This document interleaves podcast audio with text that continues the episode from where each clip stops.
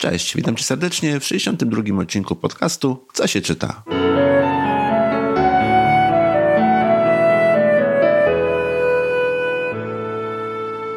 Gdy umawiałem się na nagranie rozmowy, którą za chwilę będziecie mieli okazję wysłuchać, zastanawiałem się, czy nie zostanę zaproszony na cmentarz. Tak, dobrze słyszycie, na cmentarz. I tak ma to związek z książkami dla młodzieży. Na szczęście spotkaliśmy się nie na cmentarzu, ale za to trafiliśmy do wrocławskich podziemi. Znaczy, no może mniej klimatyczne będzie, jak powiem, że spotkaliśmy się po prostu w jednej z kawiarni w centrum miasta, która akurat ma swoje pomieszczenia również i w piwnicach, ale zostańmy już przy wrocławskich podziemiach. Brzmi zdecydowanie lepiej. Chciałem przedstawić Wam dzisiaj dwie osoby, które prowadzą wydawnictwo. Ale z takimi wydawnictwami, które znamy, z takimi wydawnictwami, z którymi mamy do czynienia na co dzień, tak naprawdę łączy ich tylko i wyłącznie to, że wydają książki. Natomiast calutki proces wydawniczy, calutki sposób w ogóle funkcjonowania ich wydawnictwa, sposób promocji, sposób docierania do czytelników, czy też nawet forma współpracy z autorami jest zupełnie inna. Tak więc zapraszam serdecznie do wysłuchania naszej rozmowy i w trakcie rozmowy wyjaśni się również skąd ten cmentarz.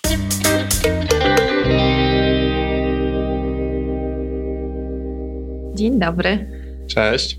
E, ja jestem Paweł i jestem współzałożycielem małego wrocławskiego wydawnictwa o nazwie Projekt Kłobuk. Jestem wydawcą, autorem i zajmuję się z Martyną promowaniem czytelnictwa i naszego małego projektu.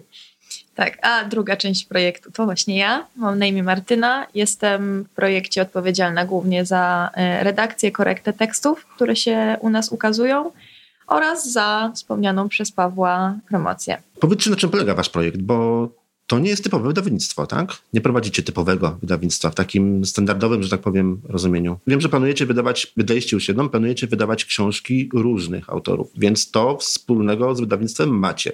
Tak, to, tak, to, to ale tak. to jest, z tego co się orientuję, jedna z nielicznych cech wspólnych, tak? Tak, chyba jeśli chodzi o takie spojrzenie ogólnie na wydawnictwa, to to jest jedyna rzecz, jaką, jaką mamy wspólną bo jakby cała reszta się dzieje troszeczkę, nie wiem, nieszablonowo, to jest chyba to słowo. Może zacznijmy od początku, Paweł, i powiedzmy, jak to się wszystko, jaki był w ogóle pomysł na samym początku. Na, na początku no właśnie, być... skąd się wziął pomysł na tak nietypowy projekt? Tak inny od hmm. pozostałych. Znaczy, on wy, wykiełkował z ziarenka, które miało polegać tylko na tym, że ja wydam swoją książkę, stworzymy stronę internetową jakby tylko dla nas, z tym, że to zaczęło się zmieniać już w momencie, w którym zaczęliśmy publikować opowiadania. No właśnie. Do, do, do, tego, do tematu opowiadań za chwilkę wrócimy. Tak, bo jakby całym pomysłem związanym z tym, że no wydamy, y, czy Paweł wyda swoją książkę, a ja mu gdzieś tam po drodze pomogę, mieliśmy tą świadomość, że nie będziemy nawiązywać współpracy z takimi dużymi dystrybutorami. To znaczy, że książki nie będzie w księgarniach, nie będzie jej można zobaczyć, nie będzie jej można dotknąć, pooglądać ilustracji właśnie i tak dalej. No w związku z czym trzeba było znaleźć jakąś zastępczą metodę na to, żeby dotrzeć do, to nie uważacie, że to duże ryzyko? czytelników. To nie, jest. Móc, nie móc pozwolić odbiorcy, czytelnikowi dotknąć tej książki, to jest, obejrzeć obrazków. To jest duże ryzyko, natomiast uznaliśmy, że najpierw chcemy sobie zbudować takich odbiorców, którzy się w jakiś sposób z nami zwiążą, mhm. e, którzy e, będą widzieć, że, że jakby pokazujemy im wszystko po kolei, jak to wygląda, bo, mhm. bo jakby ta strona internetowa, którą prowadzimy, to są właśnie wspomniane opowiadania, które mają czytelnika przywiązać do tego świata, który jest e, przez Pawła tworzony. No i ta druga kategoria to jest, to jest ta kategoria takich krótkich artykułów, które opisują krok po kroku od samego początku, od tego jak się poznaliśmy, jak to się stało, że ja zostałam redaktorem, potem jak znaleźliśmy ilustratorkę, potem jak szukaliśmy firm, które nam złożą książkę, drukarni i tak dalej. Więc jakby to wszystko można tam przeczytać i to wszystko tam jest. I cały czas y, chyba mamy nadzieję, że jakby takie pokazanie siebie od, właśnie przez cały ten proces to wzbudza zaufanie i to czytelnika z nami wiąże. E, natomiast jeśli chodzi o to, że książkę można gdzieś zobaczyć albo gdzieś dotknąć, no to teraz, teraz będziemy zaczynać się pokazywać tak bardziej w, w miejscach e, Ale to sami w własnym zakresie, tak? Nie przez sieciówki gdzieś. Nie, nie, sami. Mhm.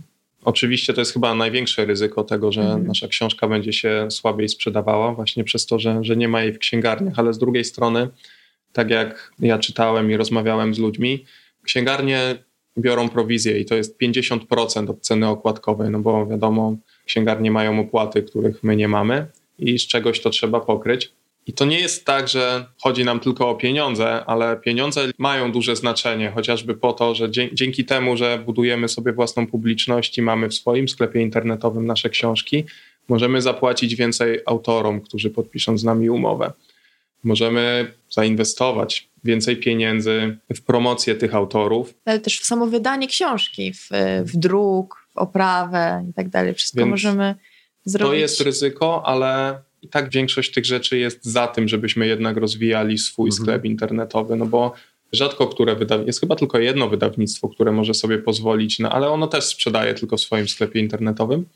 Może, i może, może powiedz so, nazwę. Mm, to jest to wydawnictwo Altenberg. I właśnie dzięki temu oni też mogą sobie pozwolić na to, żeby płacić do 30% od każdego sprzedanego mhm. egzemplarza. I to jest, to jest mega super. Ja mam Mam nadzieję, że coraz więcej będzie takich inicjatyw, no bo napisanie książki to jest ciężka robota. Znaczy, może nie tyle napisanie jej, co potem jej poprawienie. Ja osobiście nie cierpię tego robić.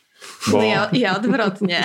Bo jak ja dostałem zwrot maszynopisu, w którym było więcej pokreślone na czerwono niż było czarnego atramentu, to ja byłem załamany. Myślę, że trwało to tyle samo, co napisanie tej książki, bo ja mam po prostu alergię na to, jak muszę ślęczeć nad tymi przecinkami z Martyną, no ale jest to niezbędne, jest to przydatne i dzięki temu nauczyłem się bardzo dużo. No tak, ale każda książka, która ma być porządnie wydana, musi być poprawiona, tak? Oczywiście, I, tak. I, nie powinna być poprawiona przez autora, bo autor nie wyłapi wielu rzeczy. Oczywiście, że tak, musi bo być. swój tekst skanuje się po prostu pamięciowo i nie zwraca się na niektóre rzeczy uwagi. Tak, plus dodatkowo też, nie wiem, niektórzy chyba mają taki, nie, nie chcę mówić, że talent, ale jakby zwracają właśnie uwagę na jakieś mhm. takie pojedyncze rzeczy, typu przecinek mhm. na przykład jest bez spacji i tak dalej, są literówki, więc jakby to już pomijając takie większe błędy, które gdzieś tam wynikają z szyku, nie wiem, jest scena, gdzie jest jest y, jakiś określony fakt, a później dwa rozdziały dalej okazuje się, że chyba coś tam jest pomieszane, więc też,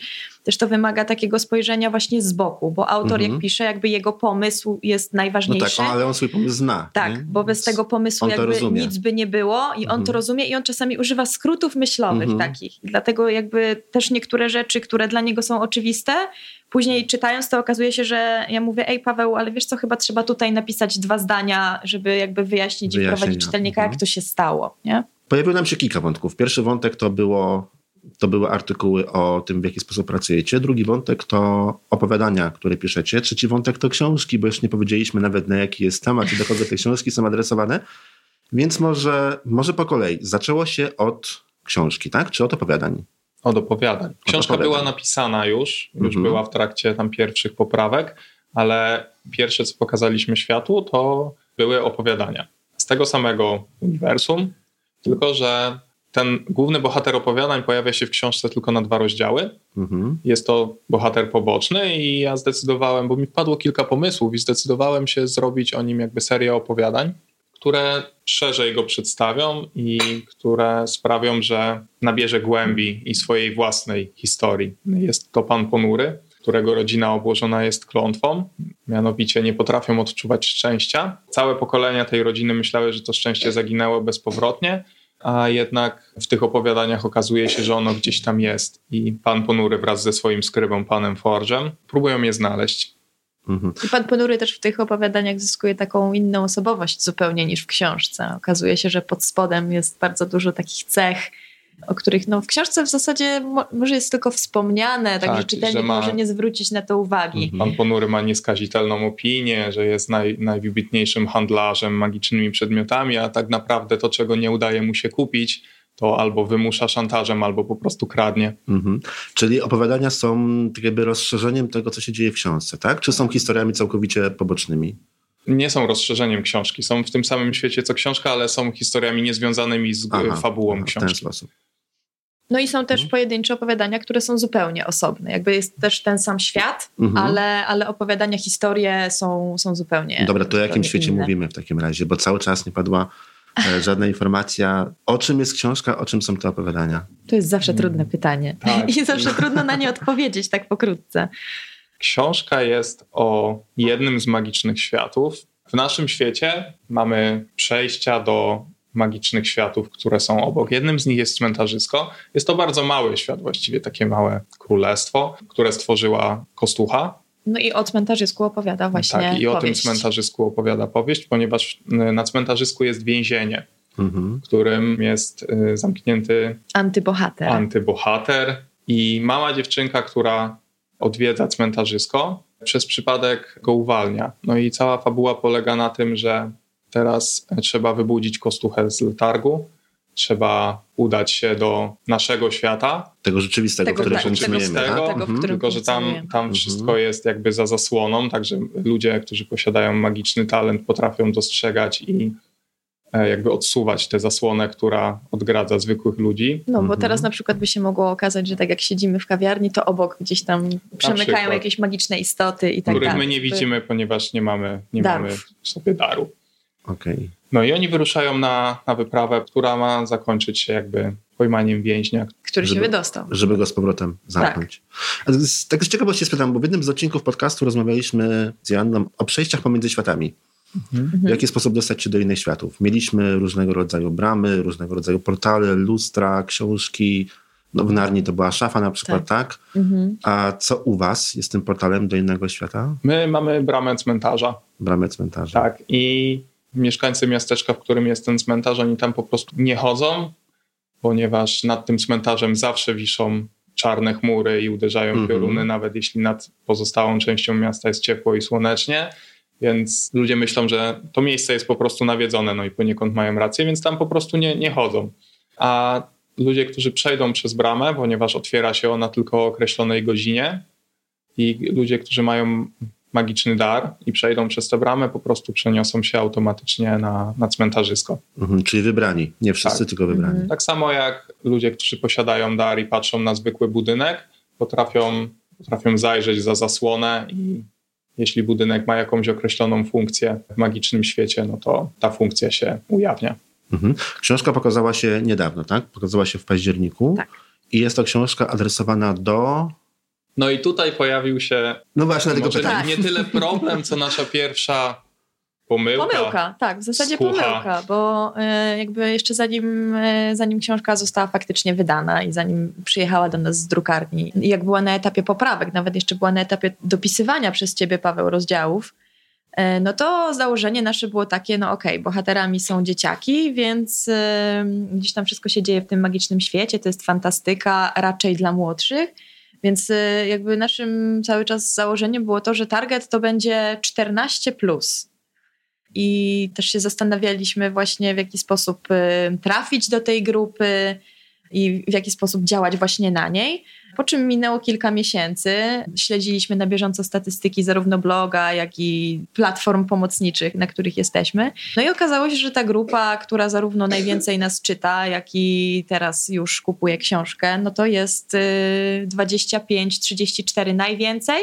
Mhm. Plus jeszcze jest y, całkiem spora grupa do 40, Czterech. do 44, tak, więc No, y, czyli jednak nie do końca te czternastolatki, tak? No nie trafi, trafiliśmy jak kulą w płot. troszeczkę tak. Ja nie, nie, nie, Bo- wiem, czy, nie wiem, czy to nie wynika z tego, że jakby też jest dużo nawiązań do, do takich, do magicznych artefaktów, na przykład w książce, które są w stanie jakby pojąć i połączyć Mhm. z innymi właśnie już osoby starsze. Właśnie, ale skąd to może wynikać? Czy z tematyki, czy może język jest jednak trudniejszy niż, niż To wymagany? znaczy myślę, język że-. Nie, język, język jest bardzo prosty, moim, nie, nie, nie nie jest za prosty moim zdaniem, ale język jest prosty y, Mhm. i tą książkę się czyta bardzo szybko. Ja ją pochłonęłam chyba w niecałe dwa dni i z tego, co dostajemy jakieś tam głosy od y, osób znajomych, no to faktycznie, no to jest kwestia 2-3 dni i książka jest Mhm. przeczytana, jeśli się tak usiądzie. Oj, to za szybko znowu. Albo tak dobrze wciąga historia też. Albo te, też można może też i tak tak na to być. spojrzeć, tak. Ale może też chyba tak być, że te ilustracje faktycznie są dość mroczne i one się podobają starszym odbiorcom. No na pewno. Poza tym my też odwołujemy się do klimatów, które pojawiły się jak ja byłem młody. Jak byłem dzieckiem, ja oglądałem Rodzinę Adamsów, oglądałem te najwybitniejsze filmy Tima Bartona, pojawiały się najlepsze książki tych pisarzy, których teraz, te, którzy teraz już są bardzo doświadczeni, czyli Neil Gaiman, pojawił się Harry Potter. Jedna z recenzentek napisała o książce, że jest to historia dla młodszych, których już się nie pisze Porównała ją właśnie z serią niefortunnych zdarzeń. Swoją drogą miała być tak wydana na początku, w takich Tak. cienkich książeczkach. W takich zeszytach. Tak, zeszytach. Mhm. Miało być ich około tam 7-10. Porównali nas też do bardzo takiej wczesnej bajki Nila Gaimana. Jakby ta historia porusza u starszych czytelników taką strunę, Tak. Której się używało bardzo dużo, jak się było dzieckiem. To jest Mhm. taka, Może taka, dlatego. taka tęsknota chyba też trochę faktycznie za tym, jak się czuliśmy kiedyś czytając te historie, czy oglądając te filmy. Też czytamy w komentarzach że od starszych osób, że jakby książka pozwala im wrócić do tego, co czytali kiedyś. To jest bardzo, bardzo super. I ja jak czytam takie rzeczy, to bo ja się bardzo rzadko uśmiecham, ale jak czytam takie rzeczy, to raczej nie mogę powstrzymać tego, że No ja się zawsze wtedy cieszę i zadaję pytanie, Paweł, a jak się z tym czujesz, że ktoś napisał takie słowa o twojej książce? Ty to Mhm. napisałeś, nie? Więc to bardzo, bardzo dobrze, że, że to nie jest taka typowa, nowoczesna w cudzysłowie książka, która traktuje o tym samym, jest napisana tym samym schematem i nie ma tam rzeczy, które by się wyróżniały. Nie mówię, że wszystkie takie są, Boże broń, bo jest bardzo, bardzo dużo bardzo dobrych książek, które zostały wydane w ostatnich latach, ale to jest takie bardzo miłe, że ktoś tak napisze o cmentarzysku. Czyli 400 kilkanaście stron ponurej książki, małą czcionką, da się przeczytać w 2-3 dni. To musi być naprawdę Da się, da się. wyjątkowo wciągające. No i też tak jak, tak jak Ja tylko wspomniałam, że ilustrację obejrzałem, no książki nie czytałem jeszcze. Nie miałem okazji. Ale- Przejrzałem ale- kilka opowiadań na stronach internetowych i ilustracje, ilustracje są faktycznie, są, są takie ponure. Bo No ja też troszkę do tego podchodzę, bo ja już wyrosłem z tego wieku bycia 14-latkiem. No ale faktycznie ilustracje mogą, mogą gdzieś tam sugerować, że, że jest to do troszkę starszych. No, od samego początku wiedzieliśmy, że chcemy ilustracje zarówno do opowiadań, jak i do książki i wiedzieliśmy też, że te ilustracje zrobią połowę roboty. Mhm. E, No dobra ilustracja z dobrym tekstem na pewno Tak. bardzo dobrze współpracuje. Bardziej, że ostatnio pan nam powiedział, że nasze ilustracje wyróżniają się chociażby tym, że są czarno-białe, no bo teraz Mhm. na przykład jak się przegląda ścianę na Facebooku, to wszystko jest kolorowe, tam Tak. jest tego milion i nagle spojrzenie zatrzymuje się na czymś, co jest w czerni i bieli i jest troszeczkę ponure, ale ciekawe. Mhm. Więc No e, na pewno się to wyróżnia. E, udało nam się złapać ilustratorkę, z którą współpracujemy już od, właściwie od samego początku. Ona Tak. nam właśnie, już ponad rok pracujemy. tak, Martyna Neyman nam e, stworzyła wszystkie grafiki na stronę, także jest to bardzo spójne. No ona nam też dużo przy samej książce pomogła później, jak były takie troszeczkę, troszeczkę, były, było zamieszanie właśnie z, z składem i ona właśnie wtedy działała z takimi pojedynczymi elementami, których potrzeba, na przykład kosy, które są na, y, na, strona, na każdej Mhm. stronie, to właśnie jest jej robota. Tytuły rozdziałów, to jakby wszystko. Tak, bo, bo Wszystko firma, ona. z usług, której korzystaliśmy. e, No ta książka, no, powiedzmy, że wyglądałaby zupełnie inaczej. No nie, nie, nie byłaby tak ładna. w jeden dzień Martyna zrobiła tą, tą całą drobnicę, dzięki której właśnie ta książka wygląda tak, jak wygląda. No i pomagała też przy rozmawianiu o ilustracji, bo ja nie jestem rysownikiem, nie jestem ilustratorem i nie wszystkie moje pomysły mają sens, albo mam dwa pomysły i jeden zaprzecza drugiemu. Ja na przykład o tym nie wiem. Albo jak się namaluje coś tak, jak ja chcę, to w ogóle przeczy prawom fizyki jakimkolwiek. E, Ale bo- fajnie wygląda w twojej głowie. tak, w mojej głowie tak, nie, niekoniecznie na papierze, albo nie wiem, no, tak jak ja bym chciał mieć narysowane kończyny bohaterów, to w ogóle one się tak nie zginają w prawdziwym świecie. No tak, no ale chyba w tym świecie nie muszą być takie całkiem prawdziwe. No nie, ale chodziło, chodziło głównie o te wątki, gdzie jednak kola, te kolana osadzone- powinny te się zginać w tę w stronę, w świecie, której tak? się zginają. Aha. Też kwestia gdzieś tam była perspektywy nie takiej, zamieszania na ilustracji i tak No dalej. tak, no ale to trzeba faktycznie być Tak. grafikiem, żeby takie elementy umieć. To żeby je wyłapać. zobaczyć po Także prostu. my, my Mhm. prowadzimy ciągły dialog z Martyną o tym, co byśmy chcieli, a co jest realne, co jest złym pomysłem, a co powinno się znaleźć na ilustracji. Także dzięki temu, że mamy ciągły kontakt, to wszystko ma ręce i nogi od samego początku. Tak jak teraz Martyna ilustruje opowiadania Arnolda, naszego pierwszego autora z zewnątrz, to wczoraj na przykład mieliśmy taką krótką burzę mózgów na temat ilustracji, bo pojawił się pierwszy szkic, no i to był ten etap, gdzie jeszcze można wszystko pozmieniać. Już ustaliliśmy wszystko i teraz ilustracja już się tworzy tak, jak być się. powinna. Mhm.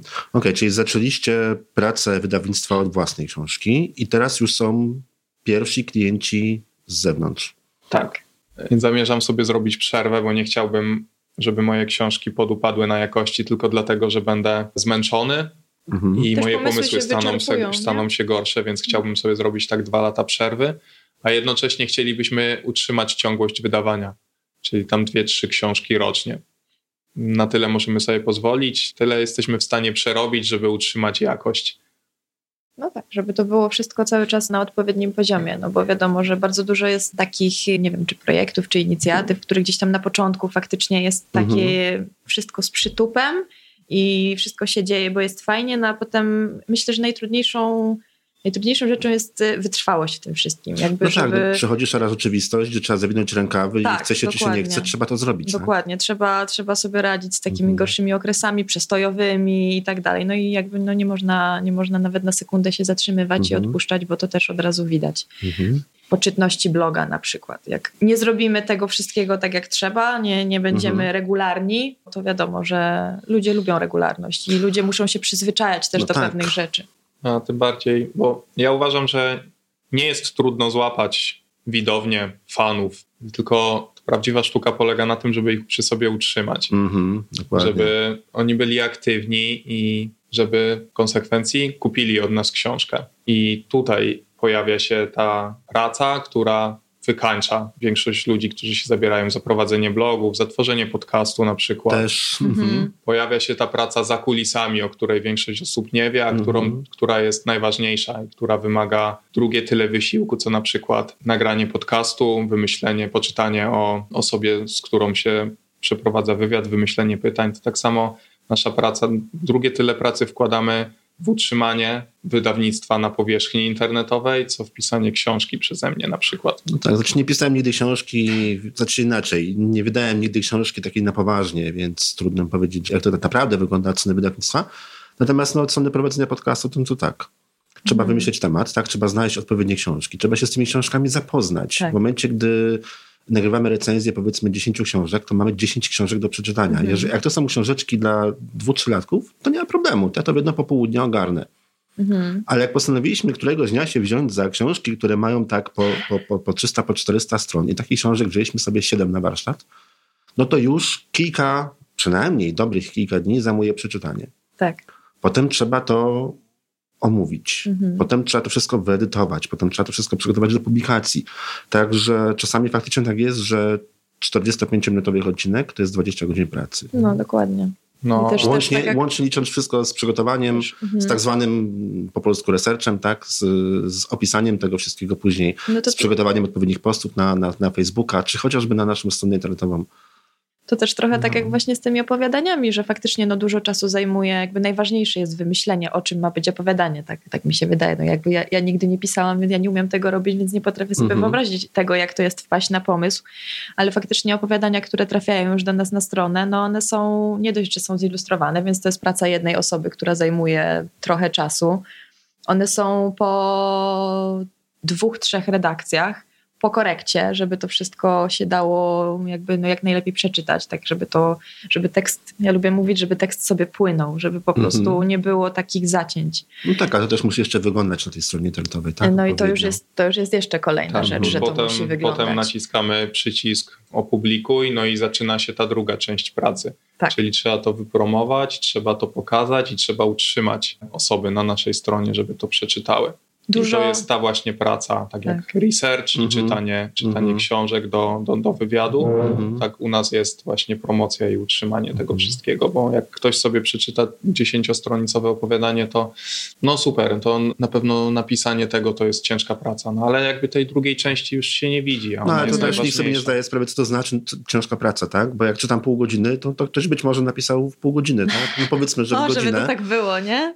No tak, ale osoby, które tak. nie są po tej drugiej drugiej tak, stronie mogą tego nie wiedzieć, nie zdają mhm. sobie sprawy, jak to tak naprawdę wygląda. No dlatego jak wchodzą do nas, to trochę wiedzą, bo tam po No kolei... właśnie i dochodzimy do kolejnego tematu, bo oprócz tego, że stworzyliście nie tylko świat, nie tylko książkę i opowiadania, ale też i na swojej stronie piszecie o samej pracy. Tak. Chwalicie się tym, co konkretnie robicie. Czy kategoria z życia wydawnictwa należy w całości do Martyny? Mhm. Bo my jesteśmy podzieleni. Ja jestem tym od historii wymyślonych, tym bardziej leniwym, a Martyna jest od korekty i pisania o korekcie i o tym, jak jak działa nasze wydawnictwo, więc tak, ja, ja tak. w to w ogóle nie wchodzę. Ty jesteś kreatywny, ja jestem praktyczna bardziej. Tak to, to, taki jest podział. Ty zmyślasz, a Martyna nie zmyśla. Dokładnie. no trochę, trochę można tak powiedzieć. Tak, no ta kategoria z życia wydawnictwa to jest coś, no, co ja w sumie nie chciałam się zgodzić na początku, bo uważałam, że w sumie to pewnie nikt tego nawet nie będzie czytał nikogo to nie będzie interesować, bez sensu. No, skoro ludzie chcą czytać książki, no to chcą czytać opowiadania, no to będą sobie czytać te opowiadania. Po pierwsze, ja nawet nie wiedziałam, jak mam pisać artykuły.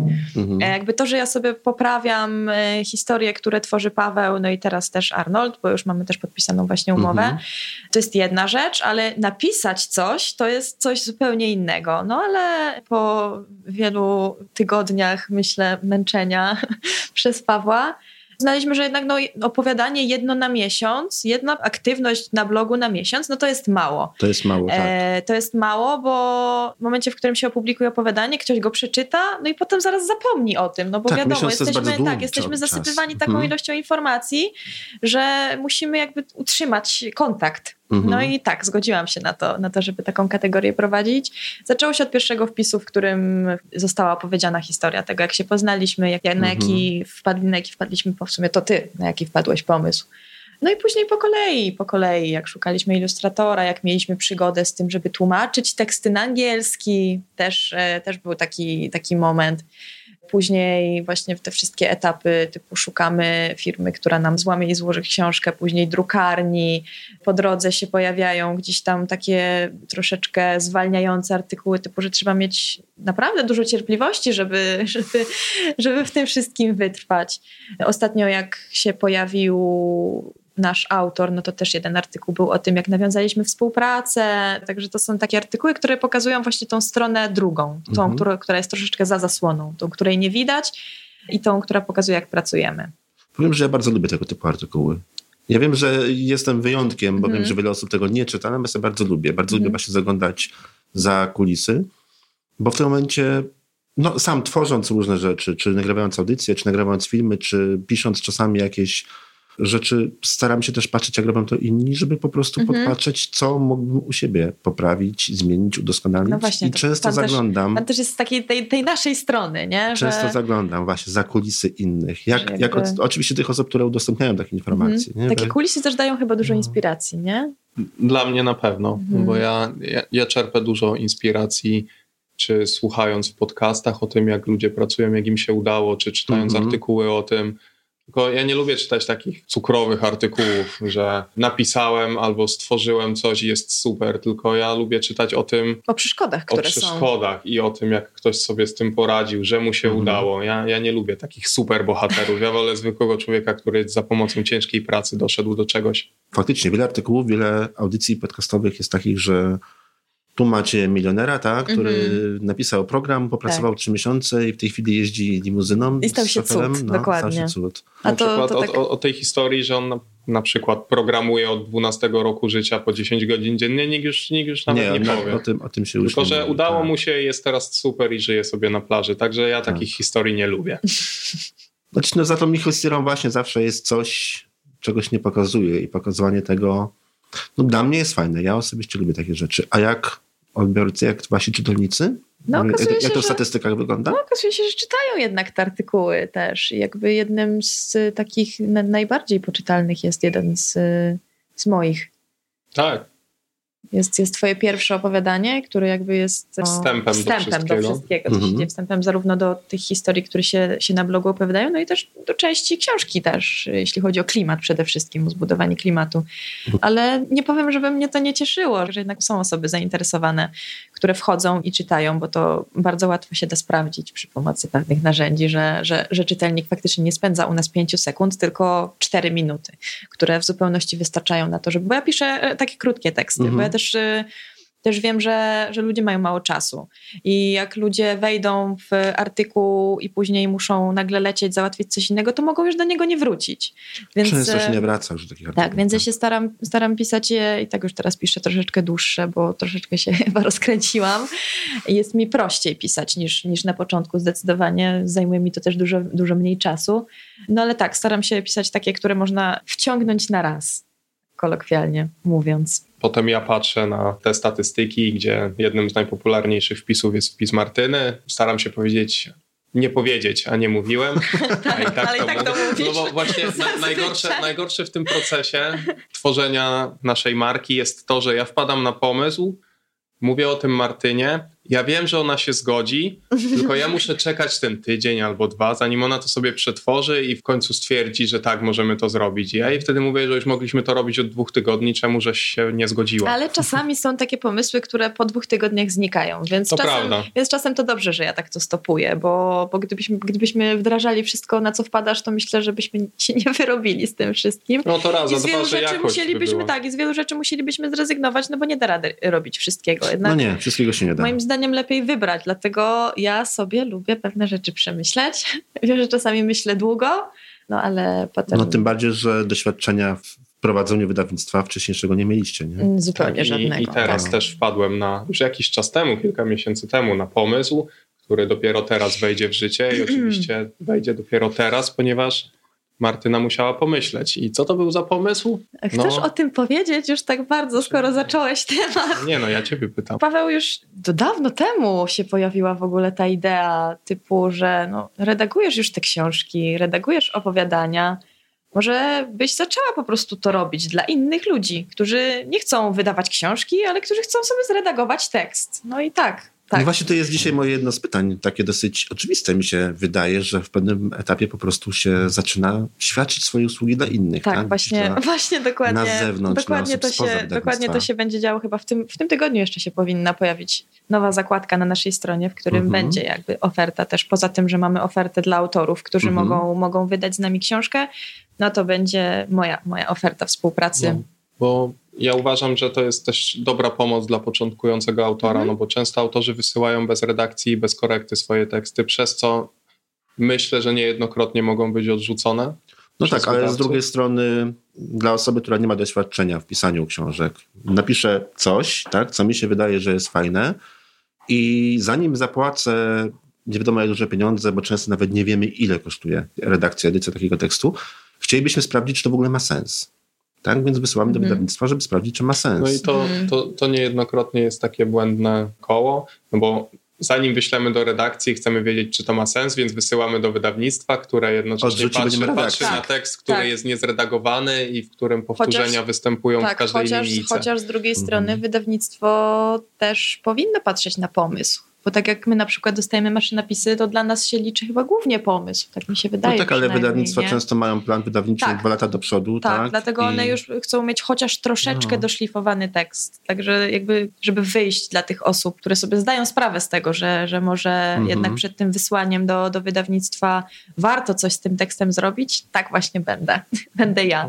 No i my też wydajemy głównie fantastykę i książki dla dzieci, a jak ktoś napisał świetny kryminał i po prostu chciałby doszlifować swój tekst, no to no, dzięki Martynie też będzie miał okazję. Ja jeszcze próbuję Martynę przekonać, żeby zorganizowała takie internetowe konferencje z osobą, której poprawia teksty, żeby tłumaczyła co i dlaczego, czemu hmm. nie może być tak, a nie inaczej, no ale o to tym jeszcze... jeszcze tak, o tym jeszcze będziemy rozmawiać. Tak, to właśnie muszę poczekać kilka tygodni, zanim Martyna jednak stwierdzi, że to jest dobry pomysł. No i tutaj... Ale wracamy. masz na liście do rozpatrzenia za dwa tygodnie przed Martyną. no tak. Powiedzcie mi, kto może z wami współpracować? Z wydawnictwem? Każdy, kto nie boi się ciężkiej pracy i pisze fantastykę.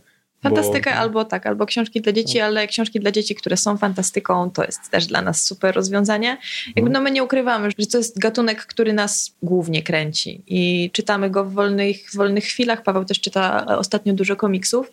90% moich półek to jest fantastyka. Mhm. Przeczytaliśmy tego chyba na tyle dużo, że też wiemy, który pomysł się wyróżnia, wiemy, co fajnego można zrobić. Dlatego jak na przykład dostaliśmy maszynopis y, naszego autora Arnolda Cytrowskiego i ja przeczytałam, to jest bajka. To jest, mhm. to jest bajka dla dzieci młodszych dużo niż w przypadku cmentarzyska. I ja przeczytałam chyba ten tekst w 2-3 godziny, bo on jest dosyć krótki. I ja wróciłam tylko do domu, wyjęłam ten wydrukowany maszynopis z torebki, położyłam przed Pawłem i powiedziałam mu, przeczytaj to to była taka historia, która mnie no, bardzo, Kupiła bardzo razu, mocno, tak? ba, bardzo, Mhm. no, kupiła mnie od razu i bardzo mocno mnie wzruszyła. Poruszyło mnie jakby same postacie i tak dalej, ale to w jaki sposób to było zbudowane, na jakich teoriach się opierało, to, to wszystko tak, byłam kupiona już po tym, po tym pierwszym No, ale teraz właśnie pojawia się ta druga strona medalu, bo Ar- Arnold ciężko pracuje na to, żeby ta książka wyglądała jak najlepiej i każdy, kto jakby nie boi się tej ciężkiej pracy, może wysłać do nas tekst i może z nami współpracować, bo to, że jesteśmy nowi na rynku, to nie znaczy, że my nie będziemy wymagać i my też płacimy inaczej autorom, ale to wszystko jest coś kosztem czegoś. My nie przepuścimy każdej książki, żeby tylko zapełnić sobie plan wydawniczy, bo ja będę wolał zrobić sobie pół roku przerwy albo rok, po to, żeby ktoś za 5-10 lat spojrzał na Kłobuka i powiedział, że oni zawsze wydają porządne Tak. pozycje. Żeby, żeby nie było takiej sytuacji, że ktoś spojrzy i tak stwierdzi, w sumie to ta jedna książka do nich nie pasuje. Tak, bo, bo mieliśmy okienko gorsza, i tak. trzeba było je czymś zapełnić, więc No my tak nie będziemy nigdy działać. Są wydawnictwa, o których się mówi, chociażby właśnie w kwestii książki, książek dla dzieci, w których się mówi, że no, to wydawnictwo to można brać w ciemno, tak? bo są dobre. Mhm. I my chcemy być jednym z takich wydawnictw. Wiemy, No że tak. to jest jeszcze niemożliwe teraz, ponieważ Mhm. dopiero... e, Zaczynamy. No tak, to jest dopiero Zaczynamy. pierwsza książka, tak? Ale, ale jakby nie odpuszczamy już na samym początku i od naszych autorów będziemy wymagać tego samego. Nasi autorzy też mają, autorzy, autor, mają też stosowne wymagania do nas, którymi my staramy się sprostać. My już na tym etapie płacimy za promocję Arnolda, więc my z naszej strony też nie tniemy każdego kosztu, żeby tylko było jak najmniej, więc to jakby my staramy się dawać tyle samo, ile wymagamy. Więc to, to nie jest tak, że e, ja wysyłam maila z, listem, z listą żądań, tylko proszę, czy coś by dało się zrobić i czy z kolei Arnold ma jakieś pytania bądź prośby do nas. Jeśli ma jakiś pomysł, który jest wykonalny i który ma sens, no to jak najbardziej przyglądamy się temu z bliska. Jeśli naprawdę ma sens po burzy mózgów, no to jakby idziemy w tę stronę. No, Arnold też jest mocno zaangażowany, jakby on wybrał ten model współpracy z nami, który się wiąże z tym, że on też bardzo dużo robi sam. Typu y, Arnold ma u nas właśnie blog, zakładkę z blogiem. Mhm. Dzisiaj się pojawił kolejny wpis właśnie. Widać, że on się bardzo cieszy, że, że może coś porobić. Jak ja skończyłam tą pierwszą redakcję y, jego bajki, no to on miał wybór, bo jakby ja wiem, że redaktor klasycznym ujęciu po prostu wysyła plik z poprawkami, Mhm. no i autor się do tego ustosunkowuje. Natomiast e, w związku z tym, że Arnold też jest z Wrocławia, ja zaproponowałam taką formę, jaką mieliśmy e, wypracowaną z Pawłem, że ta pierwsza, te, te pierwsze takie największe poprawki, pracowaliśmy nad nimi wspólnie. To znaczy Mhm. spotykaliśmy się, robiliśmy sobie kawę, siadaliśmy. On miał włączony komputer, ja miałam przed sobą te pokreślone na czerwono kartki i też poprawiając w taki sposób razem z autorem, Autor też chyba dużo z tego wyciąga, Paweł, No prawda? wiem, że ja z tego dużo No na wyciągnąłem. pewno. Na E, pewno. więc mi się też z Arnoldem teraz fajnie pracowało na, przy- nad tymi poprawkami, bo on ma tendencję do budowania takich e, dosyć długich zdań. I w momencie, w którym ja gdzieś tam na początku się starałam dzielić te zdania na pół, już później, przy kolejnym spotkaniu, wiedziałam, że na pewno on się na to nie zgodzi, więc muszę to Mhm. ugryźć jakoś inaczej. Więc jakby on się też uczy, no bo wie, że nie wiem, y, imię słowów się używa w określony sposób, a Mhm. przecinki stawia w innych. Ale ja też się mogłam bardzo fajnie wczuć w jego styl. W styl tego, jak jest napisana ta książka, jakim jest napisana językiem, jakich on lubi słów używać i tak dalej. Także to, to też jest takie mocno rozwijające, myślę, dla dwóch stron. Jeżeli chodzi o długie zdania, to myślę, że jest to poważny problem większości osób, które próbują coś pisać nowego.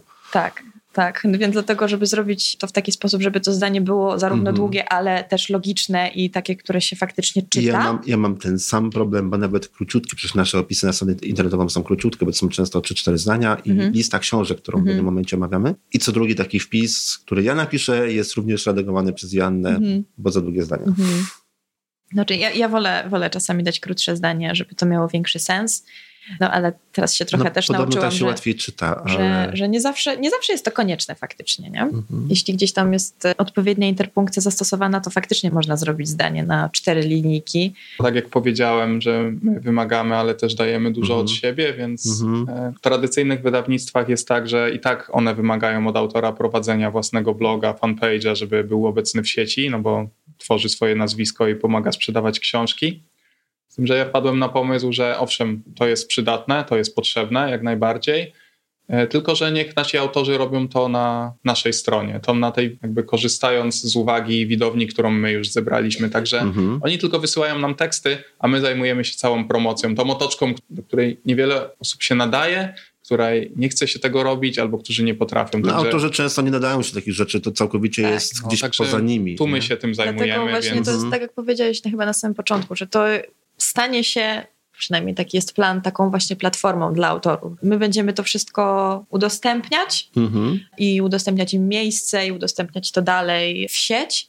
No, oni po prostu będą. będą... No, zajmą się tym, czym każdy pisarz chce się zajmować, czyli, czyli pisaniem. pisaniem. Mhm. A czy bierzecie pod uwagę taką ewentualność, że ktoś może pisać opowiadania, które na przykład fajnie będą wyglądały na stronie, ale na przykład nie jest gotowy jeszcze do książki?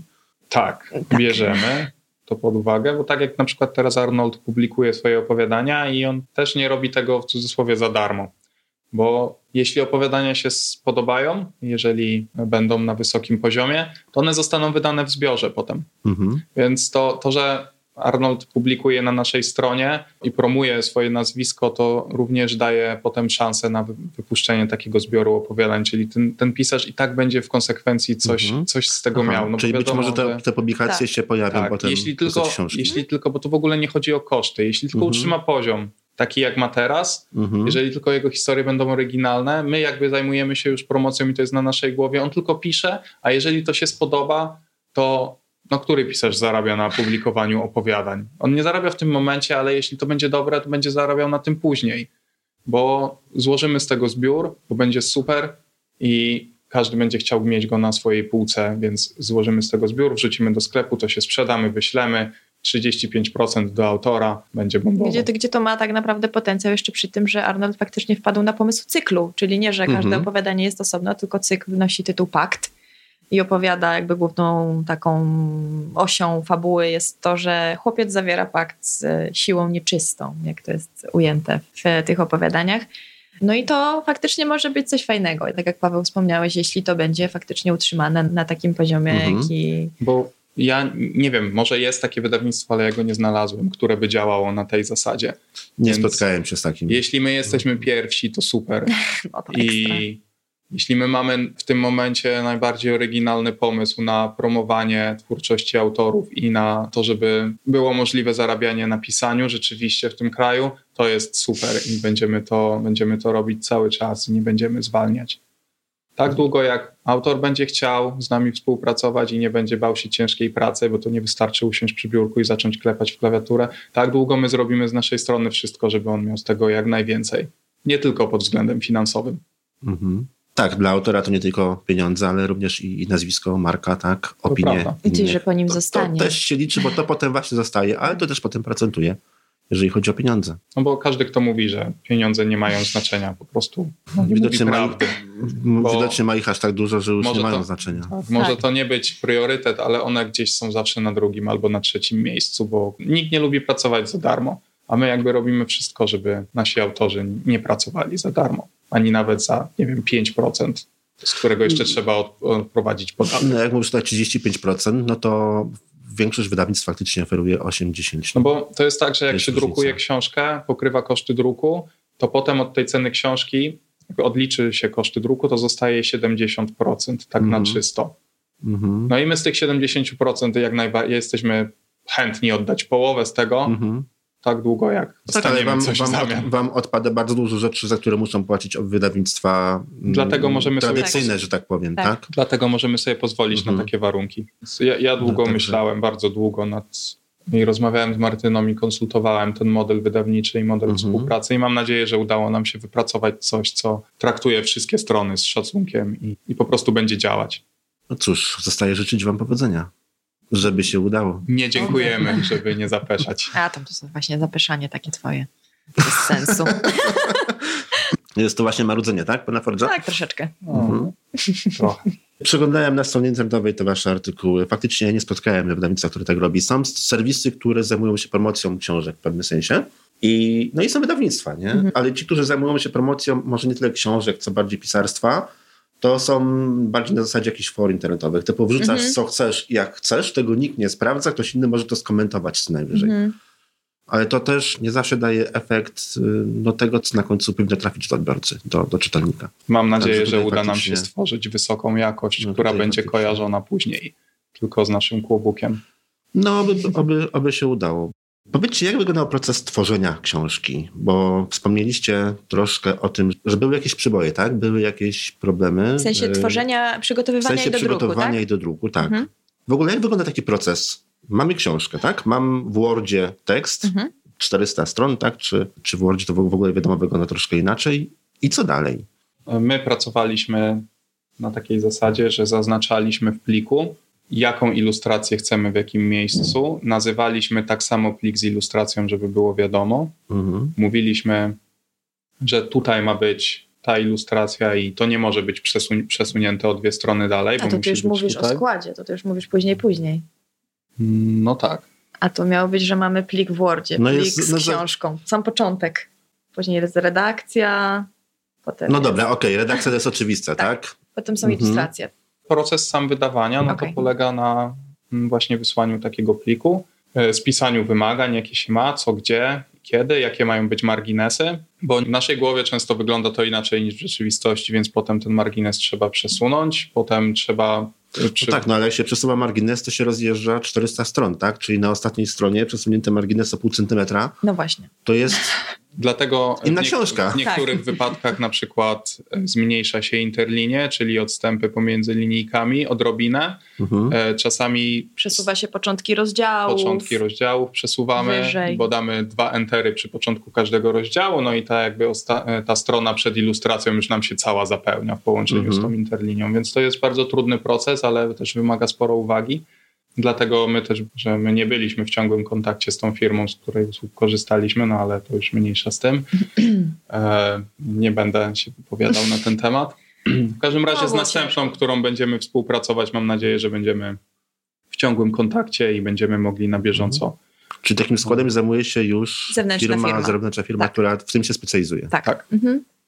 Bo można to zrobić samemu, korzystając z tutoriali na YouTubie, no ale to nigdy nie wyjdzie tak, tak samo jak przez profesjonalistów, więc my raczej woleliśmy skorzystać z usług wybranej zewnętrznej firmy. Mhm. Potem taki, taki przychodzi plik w PDF-ie, mhm. już gotowy, z takimi marginesami jak, jak trzeba, w takim ze formacie. Znacznikami, ze znacznikami. on jest już takiej wielkości jak książka, tak? Tak, jakby, jakby mhm. w, tak, w momencie składania zamówienia już e, jest mhm. pytanie, jaki, jakiego formatu będzie książka, więc my mówimy, że takiego i takiego i mhm. wtedy firma jakby łamiąc dopasowuje tekst, już do konkretnej... Tak, dopasowuje mhm. do, y, do, konkretnej, do tak, konkretnego potem wymiaru. drukarnia pyta się, czy książka ma być szyta, czy klejona, e, jaka będzie oprawa, czy będą kolory, czy nie, jaki bo to papier. wszystko, jaki papier przede mhm. wszystkim, bo to wszystko wiąże się, wiadomo, z kosztami. Niektóre papiery się odkształcają, jak jest troszeczkę wilgotno są rodzaje papieru, na których ilustracje nie wyglądają dobrze, takie jak nasze. My Ojej, ale mieć... to skąd to wiedzieć?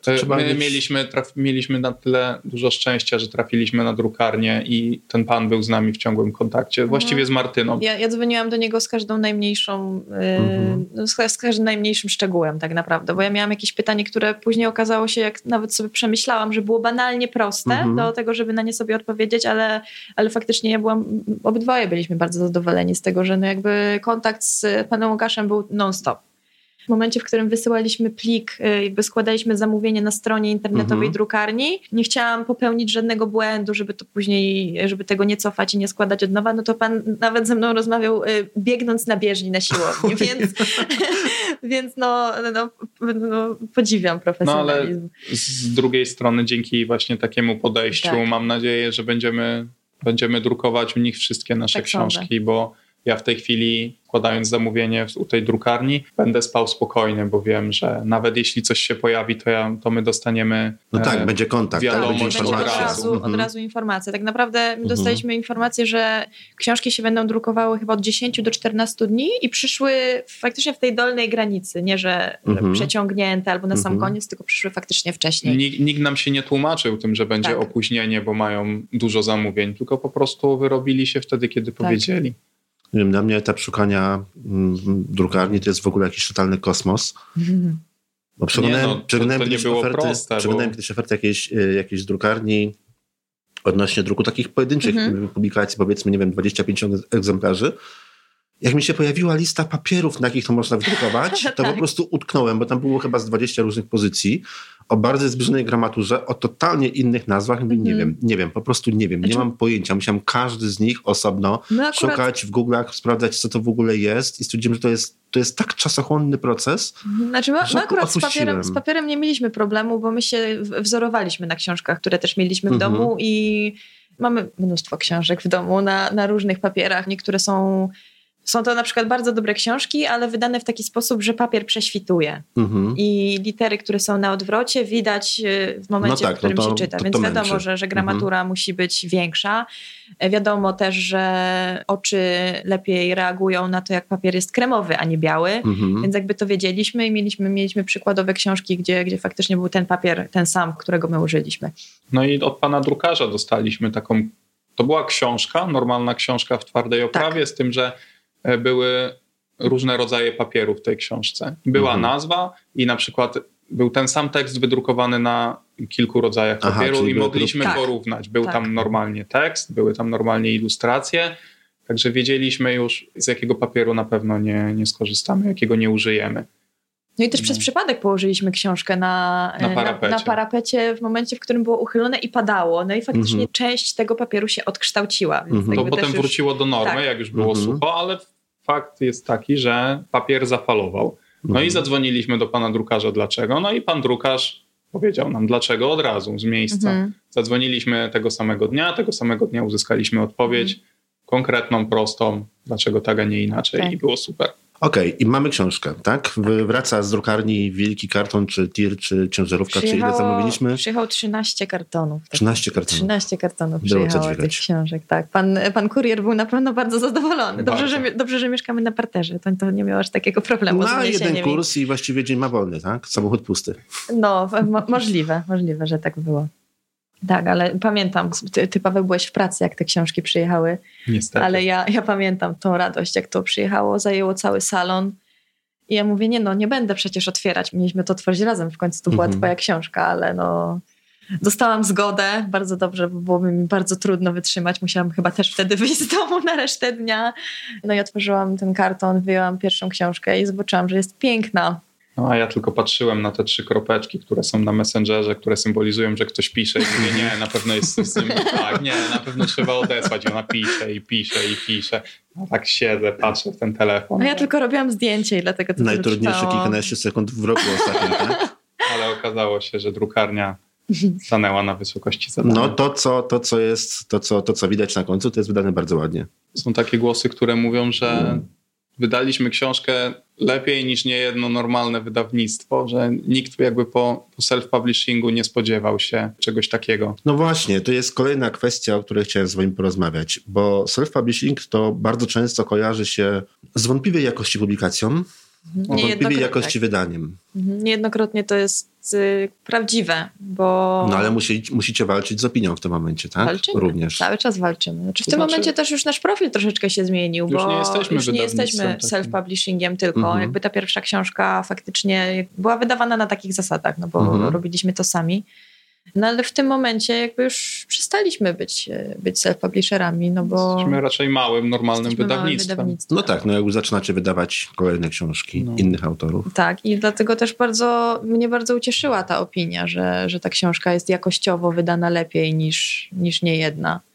Natomiast no, ta opinia na temat self-publishingu, że to są słabe publikacje zarówno tekstem, jak i samym właśnie wydrukiem, oprawą i tak dalej, no jest oparte na faktach, bo niejednokrotnie widać książki, które ktoś sobie sam wydał i na przykład okładka jest ze zdjęciem z banku zdjęć. Trzeba się liczyć jednak z tym, że no będą takie opinie na temat, Mhm. na temat o- osób, które same wydają książki, które nie mają, nie, nie mają po prostu pieniędzy też na to, żeby w to zainwestować. No tylko jest pytanie, czy warto coś robić aż tak po kosztach. No, ja kiedyś widziałem ogłoszenie takiej dziewczyny, która e, sprzedawała swoją książkę i w poście promującym sprzedaż książki napisała, że napisała to sama, wydała to sama i e, z góry przeprasza za literówki i błędy stylistyczne, ale nie zrobiła korekty i redakcji. Więc to tak No, to... działa bardzo. No to już taki faktycznie w tekście promującym książkę już fragment, który Mówi, że no coś jest nie tak. Jest, jest, jest anty w pewnym Mhm. sensie, tak? No i dużo takich publikacji self-publishingowych wygląda w ten sposób i ja, ja się nie dziwię, że jest taka opinia. Na tym cierpią osoby, które rzeczywiście wkładają to całe serce, Mhm. no ale i to się zmienia No tak, no bo powoli. opinia idzie na cały rynek, tak? Tak, Tak. bo to się zmienia powoli, ale na jedną osobę, która rzeczywiście działa z pasją i wkłada w to wszystkie siły, przypada pięć osób, które wydają tylko po to, żeby rozdać znajomym albo żeby stało na półce Mm. I nie poświęcają temu więcej uwagi, tylko stawiają ostatnią kropkę, od razu wysyłają plik, za dwa tygodnie mają książkę i się okazuje, że jednak No tym bardziej, że są serwisy typu, nie pamiętam nazwy chyba, Readero, Mhm. No, które to jest to- umożliwiają to- to publikację Van- książki. Vanity. Vanity. Mhm. To jest umożliwiają publikację książki krzywdzo- tak naprawdę z krzywdzące. Worda, tak, bez Tak. korekty, bez niczego. Tak. Po takich, powiem, całkiem atrakcyjnych kosztach. Mhm. Ile kosztuje wydanie książki? Dobrej książki, Znaczy, ładnie takiej- złożonej, takiej jak waszej.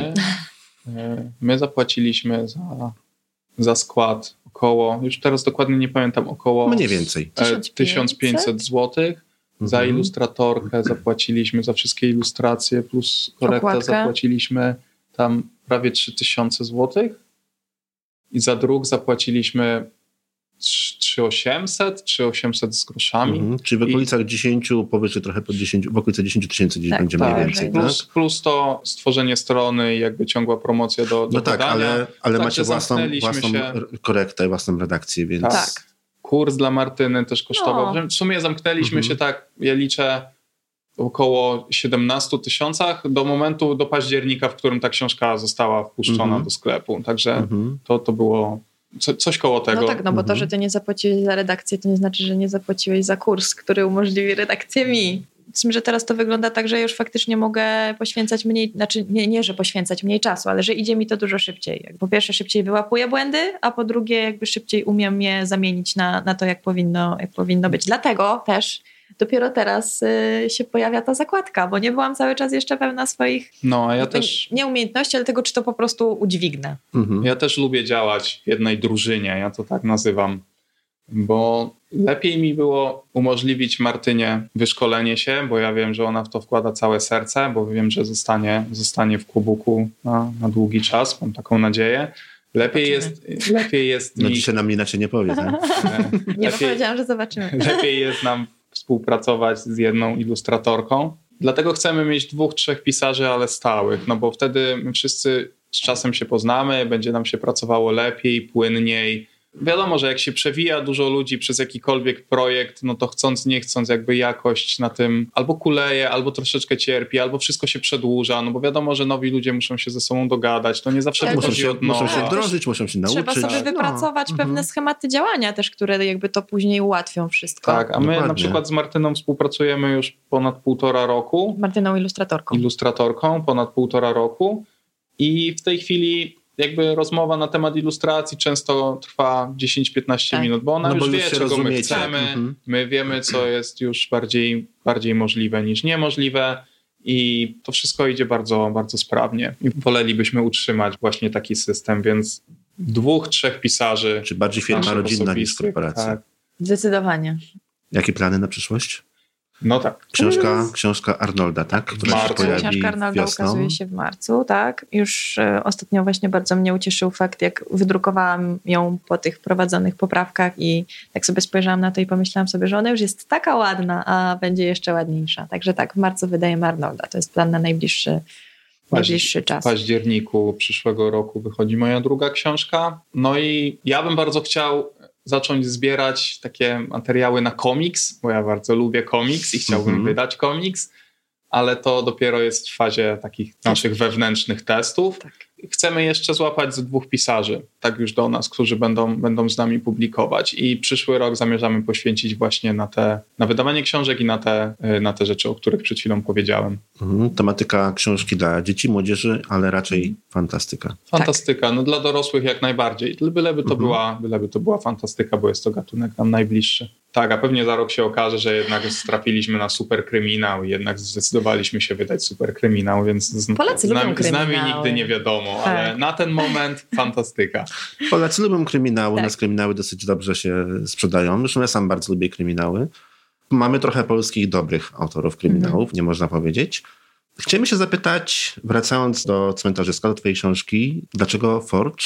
Skąd się wziął Forge? Co to jest za postać? To jest skryba, który towarzyszy panu Ponuremu, bo on został wynajęty po to, żeby spisywać wszystko to, co się dzieje. On podpisał kontrakt, na mocy którego tak długo jak wykonuje swoją pracę, nie starzeje się i nie umiera, mhm. E, ale w momencie, w którym odwróci się od swojego pracodawcy, jakby te wszystkie lata, które go omijają, dopadną go w jednym momencie i padnie trupem. E, więc stwierdziłem, że skoro opowiadania są z tego samego świata, z którego jest książka, mhm. i jednym z głównych bohaterów opowiadań jest właśnie skryba, to mhm. będzie to taki ładny projekt artystyczny, jeżeli on się pojawi na okładce jako autor. No bo czytamy jego opowiadania, on jest jednym z głównych bohaterów, on przeżywa mhm. te przygody, on je opisuje i on je wydał. Aha, Więc jakby sposób. to są takie, takie schodki. Jeżeli ja zakończę y, historię z tego świata i będę chciał wydać coś zupełnie innego, to już wydam pod swoim nazwiskiem, ale i tak wszyscy wiedzą, że pan Forge to jestem ja, ale to jest taki zabieg artystyczny. Znaczy się wiedzą żeby... osoby, które zaglądają na stronę internetową, tak. tak. W sensie, że jesteś takim zrzędą jak pan Forge? No, no właśnie. Jestem, no. No właśnie o tego zrzędu też chciałem zapytać. Jesteś tak. takim zrzędą, naprawdę? Trochę jest. I, takie, takie, Marudą też trochę jest. No. I, I, takie zdanie, jak zawsze na mnie trafi, to też jest, tak, też jest bardzo moje typowe. zdanie. Mhm, bardzo mhm. typowe, tak, tak. Także jak jest w coś, co można wdepnąć, to na pewno ja to zrobię. No tak, ale, ale, ale równoważy się to, że ja jestem z kolei takim skrzatem, który gdzieś tam skacze i mówi weź się ciesz z tego, mhm. przecież coś takiego fajnego się stało. No ale tak, dużo, dużo ten skryba ma, ma ze mnie. Mhm. Niektóre rzeczy wychodzą przypadkiem, ale większość celowo. No i ja też mogę towarzyszyć panu Ponuremu w jego magicznych przygodach, więc to jest też super takie dla mnie. I jak Wam się podoba tego typu forma prowadzenia wydawnictwa? Czy myślicie, że projekt Kłobuk ma sens? Czy myślicie, że utrzyma się na rynku? Moim zdaniem jest to bardzo ciekawa inicjatywa i trzymam kciuki, żeby udało się faktycznie zrealizować wszystkie plany, przynajmniej te na najbliższe lata. I jeżeli chcielibyście nawiązać współpracę z wydawnictwem, jeżeli macie swoje opowiadania, jeżeli chcielibyście wydać swoją książkę dla dzieci, dla młodzieży, na naszej stronie co się czyta.pl ukośnik 62 znajdziecie wszystkie informacje, znajdziecie formularz kontaktowy i oczywiście e, stronę wydawnictwa i profil na Facebooku. Zapraszam do kontaktu i również chciałem przy okazji serdecznie zaprosić Was do wysłuchania kolejnego odcinka, który już za dwa tygodnie i tym razem będzie z nami Joanna. Do usłyszenia.